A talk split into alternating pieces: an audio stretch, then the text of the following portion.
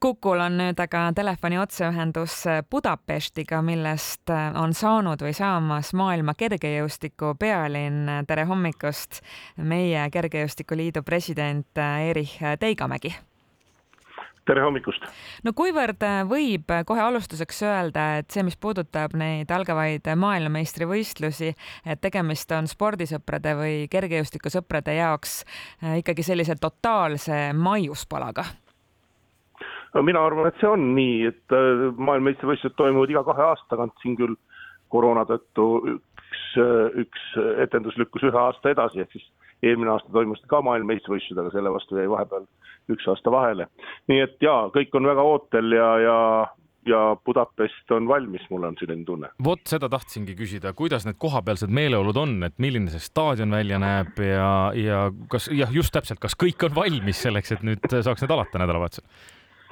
No ütleme nii, et eks kõik ju on järgi proovitud, ühtegi suurt võistlust sellel staadionil veel kahjuks peetud ei ole. Mm., see on täiesti uhiuus staadion, proovivõistlusi on peetud, äh, staadion on ehitatud noh, küll mitte spetsiaalselt ainult maailmameistrivõistluste arveks, vaid et äh, hetkel on seal äh, circa nelikümmend tuhat istekohta, aga hiljem plaanitakse see vähendada kaheksateist, kahekümne tuhande peale, sõltuvalt üritusest. et äh, ütleme, pidada selliseid väiksemaid võistlusi, sest igapäevaste ürituste jaoks nii suurt staadionit vaja ei ole mm, -hmm. aga linnas on igal pool näha, et maailmameistrivõistlused tulevad, no ütleme nii, et ma ei saa öelda, et igal tänavanurgal on poster või või meeldetuletus mitme päeva pärast algavad võistlused või siis kes on mõne maailmarekordi või tipptulemuse omanik, aga, aga seda infot on linna vahel kõvasti millise mulje sulle on seni jätnud ungarlased korraldajana, minul ei ole sellist otsest nagu pilti või arusaama, et kas nad on väga korrektsed nagu sakslased või on nad pigem sellised, ma ei tea, loovhinged nagu,. lõunaeurooplaste. nagu lõunaeurooplased, et millist nii-öelda korraldusstiili sa seal oled nägemas? No kuna võistluste, nii-öelda võistluste, ma pean silmas selle, mis toimub staadionil mm, -hmm. võistlus toimub, võistluste osa on ka majutus ja transport ja muu, aga selle osa nagu operational director või kes ta nüüd on, on minu väga hea sõber, keda ma tunnen juba peaaegu kakskümmend aastat ja kes, kes võtab asja väga südamega, siiski selle küsimuse peale oleks hea vastata, et nad on kusagil siin vahepeal, loova ja sakslaste vahepeal, aga nad võtavad asja väga hingega ja ja ütleme, antud inimesel ja temaga seotud kolleegidel on tegelikult teistest rahvusvahelistest võistlustest, mujalt riikidest, muudest aegadest väga suured kogemused, nii et mina arvan, et nad teevad eurooplastele heal kõrgel tasemel võistluse. kuivõrd võib juba ette et natukene arutleda ka selle üle, et milliste mõtetega on sinna kohale jõudnud või jõudmas eh, meie sportlased. ma tean, et eh, kergejõustiku ja üldse spordifunktsionäärid alati on väga kavalad oma sõnastustes ja räägivad ikkagi sellest, kuidas, sa juba naerad, kuidas sportlased omandavad kogemusi ja on arenguteel ja, aga rahvas tahab ju medaleid õige, õige. ütleme nii, et see koondis ei ole küll väga suur, aga selle eest ma arvan, et tuleb meie vaatenurgast väga põnev võistlus. ja ühtegi kogenematut sportlast meil ei ole, kuigi meil on noh, nii-öelda näiteks naiste nii-öelda pool on, on vähe noorem, kus, aga need on mõlemad, need sportlased on mõlemad võitnud noorte ja noorsootiitlikassist, tiitlivõistlustelt medaleid, nii et nad, nende, nende puhul ei saaks nagu öelda, et neil kogenud, kogemusi ei ole, selge see, et suur staadion on võib-olla midagi muud, aga aga ütleme siis meeste pool, siin on kõigil, kõigil ikkagi juba omad kogemused omandatud ning, ning ma usun, et me, ma ei, medalitest me ei räägi, aga ma usun, et tuleb põnev võistlus. aga kas me eelkõige peaksime vaatama kümnevõistlejate poole või vaatame Rasmus Mägi otsa vaatame no, mäe poole.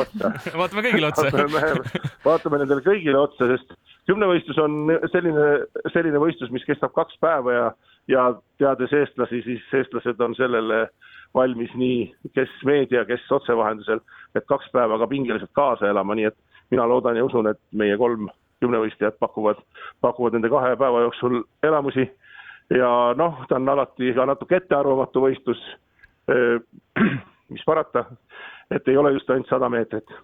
ja, ja aga, aga usun, et tuleb põnev võistlus. Rasmus on teinud väga hea hooaja alguse ja miks mitte peaks ta paremaks minema, eelmine aasta kahjuks lõppes vigastusega, aga usun, et ta on sellest ka kõvasti õppinud ja ja praegu kõik märgid näitavad, et ta on väga heas vormis, aga no ütleme nii, et meeste neljasaja meetri tõkkejooks on hetkel kergejõustiku üks noh, ma ei kasutaks üks populaarne kuumimaid alasid mm., ütleme nii. sest vanasti oli see sada meetrit, eks ole, oli alati selline no, sada on, sada on, sada on sada, sada on mhm. niikuinii sada mm, -hmm. aga, aga ütleme, et seal on nagu kolm, kolm meest, kes mingil viisil on oma isiklikega noh, väga kõrgele tasemele jõudnud äh, läbi ajaloo mõistes juba, ütleme siis nii.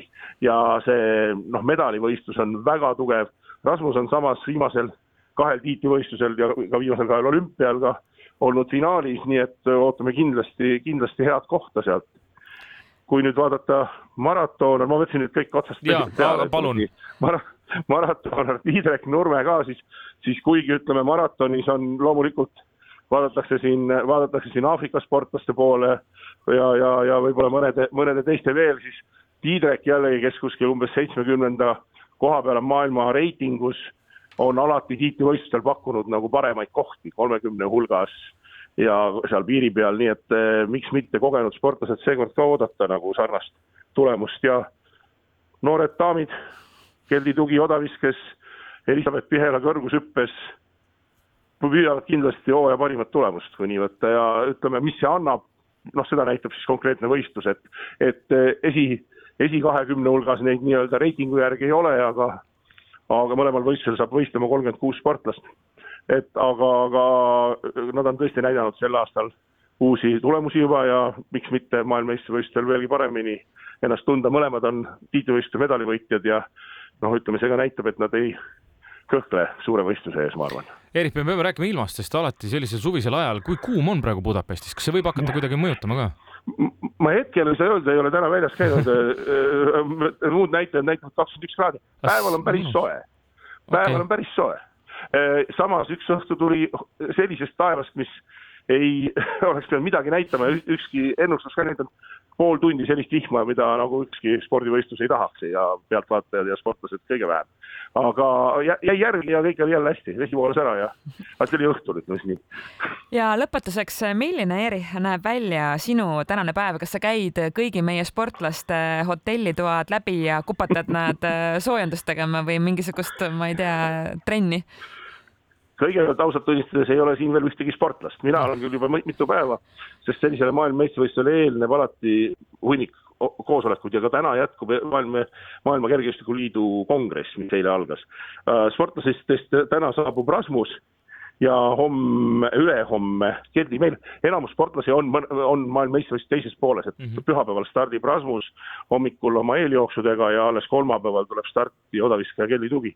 nii et äh, selles mõttes on natuke veel nende tubade läbikäimisega aega ja see ei ole ka minu töö, selleks on Kergejõustiku Liidus noh, mitte tubade läbikäimiseks, aga selleks, et need toad oleks siis sportlaste jaoks korras, mitte, mitte vastu, siis selleks on meil teine inimene ja loodan, loodan, et tema ja usun, et tema teeb oma tööd väga hästi ja tema on küll kohal juba jah, aga teises hotellis, mitte samas hotellis, kus mina. Eerik Teigamägi suur,, suur-suur aitäh meiega täna hommikul otse Budapestist vestlemast ja loodame siis suur edukat eh, MM-i Eesti kergejõustiklastele. suur tänu huvi tundmast ja hoiame pöidlad pihus